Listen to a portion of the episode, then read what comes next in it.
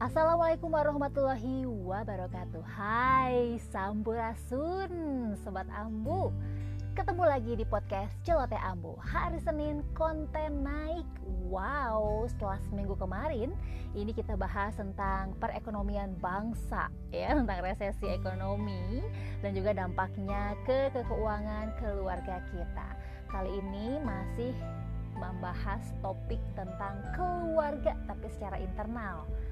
Nah, kalau sekarang nih Ambu mau hmm, sedikit sharing. Karena kemarin banget itu Ambu baru aja beres ngemsi acara wedding ya. Dan uh, salah satu nasihat pernikahannya dari seorang ustadz lumayan terkenal ya itu di kota Bandung luar biasa menohok hati wow jadi seakan-akan itu diingetin lagi nih tentang tujuan suatu keluarga itu apa sih tujuan dari kita membuat ikatan pernikahan itu apa ya? Nah, itu juga yang akan menjadi tema obrolan kita tentunya pada Senin kali ini.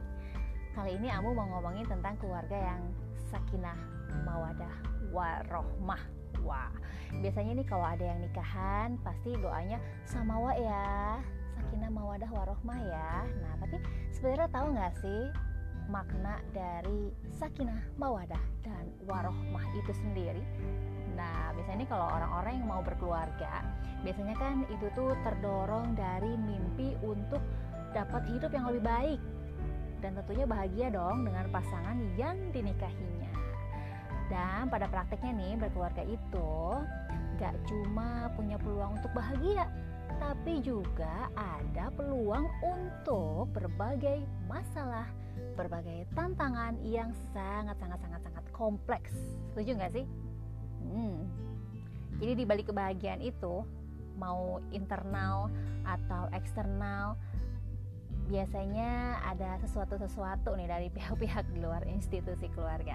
Makanya sekarang Ambu mau ngajak ngobrol tentang paradigma mubadalah. Nah, sobat Ambu mungkin pernah dengar mubadalah itu apa sih kok kayaknya sering dengar ya sekarang belakangan ini nah mubadalah ini kalau dalam secara keartian itu kesalingan ya atau kerjasama uh, paradigmanya sih ini ditawarin kalau suami istri itu nantinya bakal mengupayakan dan merasakan kebahagiaan itu secara bersama-sama. Jadi mengelola tantangannya juga mengemban tanggung jawabnya juga ya harus bareng-bareng. Jadi berkeluarga itu dirasain dipikul barengan benar-benar ngasih nyaman tenang bahagia pokoknya saling dan bekerja sama. Oke ini Ambu mengutip dari Kiai Haji Fakihudin Abdul Qadir Beliau merupakan penulis dari buku Kiroah Mubadalah. Silakan ya sobat Ambu googling aja itu bukunya keren banget luar biasa uh, ini Ambo kutip dari pernyataan beliau yang jadi kata pengantar di buku judulnya Membina Keluarga Bahagia dari Suara Rahima. Oke. Okay. Jadi nih kalau kata Ustadz Fakih ini dalam konteks relasi pasangan suami istri, mubadalah atau kerjasama itu cara pandang kita nih dalam berelasi antara suami dengan istri ini harus berbasis setara, saling kerjasama dan tentunya harus saling tolong menolong. Jadi satu pihak itu nggak boleh tuh menganggap diri atau yang lainnya itu lebih tinggi atau lebih rendah. Gak boleh juga satu pihak itu merasa menguasai atau dikuasai, merintah atau diperintah, memimpin atau dipimpin. Tapi dua-duanya itu harus kerjasama secara terus menerus itu sambil dengan memaksimalkan potensinya masing-masing. Gitu. Jadi untuk mewujudkan kebaikan dari keluarga dan tentunya untuk menghalal keburukan dari keluarga gitu. Kalau teman Ambu ini bilang diskusi suatu siang ya dengan sobat Ambu, eh, dengan teman Ambu ini dia bilang kalau dia menikah dia itu pingin membaurkan mimpi-mimpinya antara mimpi dia dan juga mimpi sang istri. Jadi dia nggak mau mengubur tapi maunya membaur mimpi. Yuk kita kerjasama kayak gitu. Dan Ambu pikir-pikir oh iya juga ya ini paradigma yang mubadalah banget nih. Ini paradigma yang bekerja sama banget. Jadi masing-masing suami istri baik diri orang tua ayah ibu ini subjek-subjek yang setara. Jadi keduanya ini dituntut untuk bersama-sama memaksimalkan perannya masing-masing. Untuk kebahagiaan siapa? Ya tentunya kebahagiaan keduanya juga kebahagiaan anggota keluarganya Nah, kalau prinsip mubadalah dalam keluarga sakinah mawadah warohmah nih, ini dimulai dari cara pandang kita terhadap peran kita masing-masing loh sobat ambu. Dan tentunya ini harus berujung ke sikap dan perilaku kita. Makanya harus bahagia dan membahagiakan. Ini tuh harus ditanamkan ke benak masing-masing pasangan. Contoh ya. Sekarang kita masuk ke contoh. Pernah nggak sih ada uh, teman-teman gitu ya rekan-rekan sobat ambu seorang laki-laki. Ini mungkin yang menganggap pernikahan itu eh ya udahlah nikah mah cuman menghalalkan making love aja lah. Ya daripada zina mending nikah. Nah sebenarnya ya sobat ambu ya cara pandang mubadalah loh sama sekali. Oke okay. karena cara pandang kayak gini ini hanya biasanya nih ini hanya mikirin kebutuhan dirinya doang untuk melampiaskan nafsu So, cara pandang kayak gini tuh nggak memikirkan kebutuhan pasangannya untuk dapat kasih sayang, dapat kebahagiaan.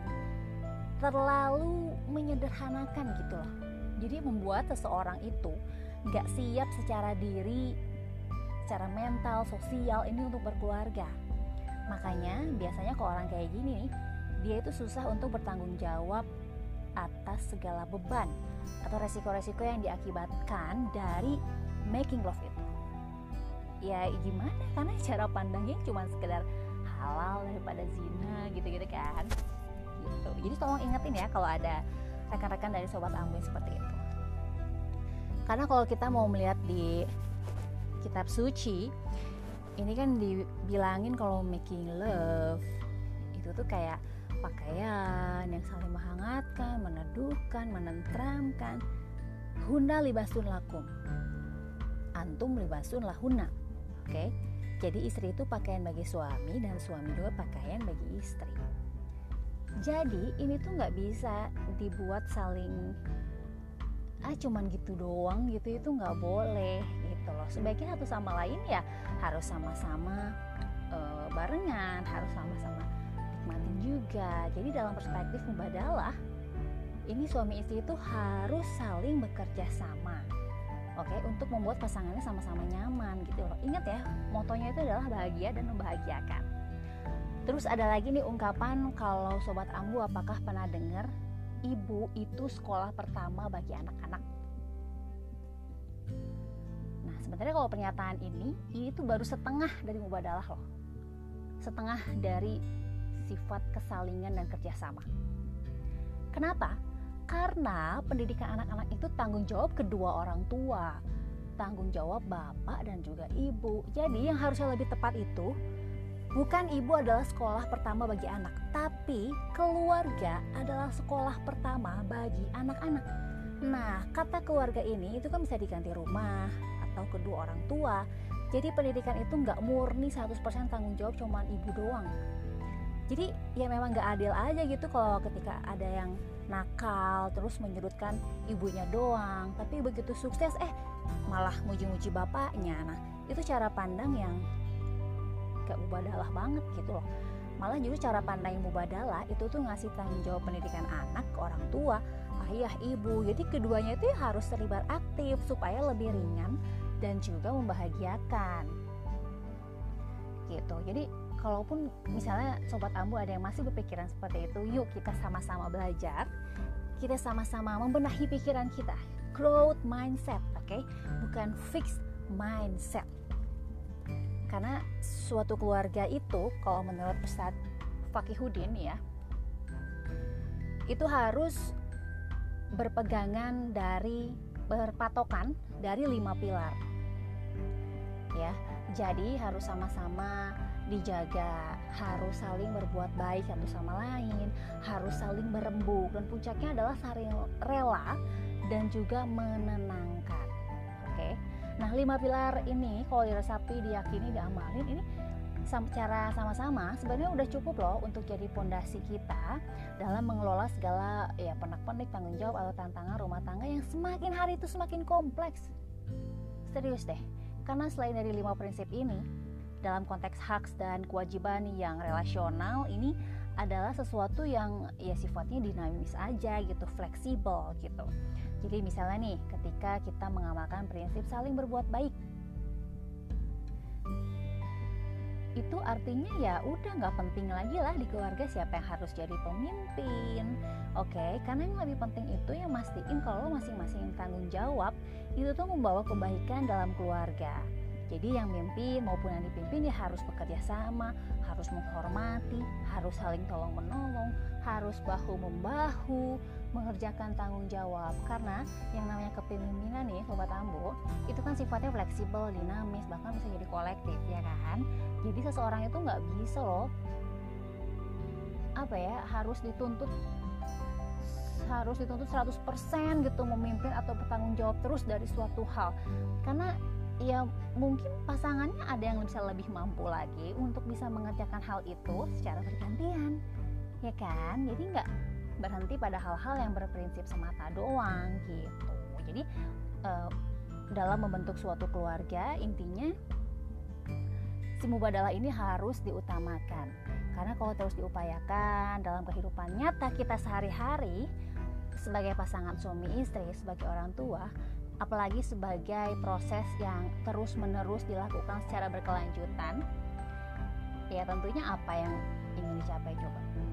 Keluarga yang bahagia ya kan? Baiti janati jadi nggak cuma di dunia aja tapi kita juga pengennya kan nanti semua kita berkumpul di akhirat ya kan?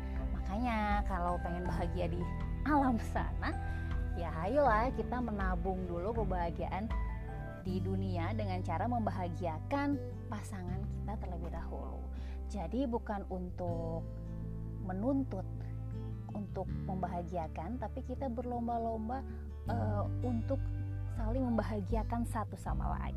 Oke, okay? wah sepertinya ada suara anakku. Kita udahi dulu aja yuk episode kali ini Sobat Ambu terima kasih udah mendengarkan podcast Celote Ambu Jangan lupa untuk selalu dengerin Karena setiap hari Senin konten podcast Celote Ambu naik ke udara Oke, segitu aja dulu untuk pekan ini Semoga kita semua menjadi keluarga yang sakinah mawadah dan juga warohmah. Oke. Assalamualaikum warahmatullahi wabarakatuh. Bye bye.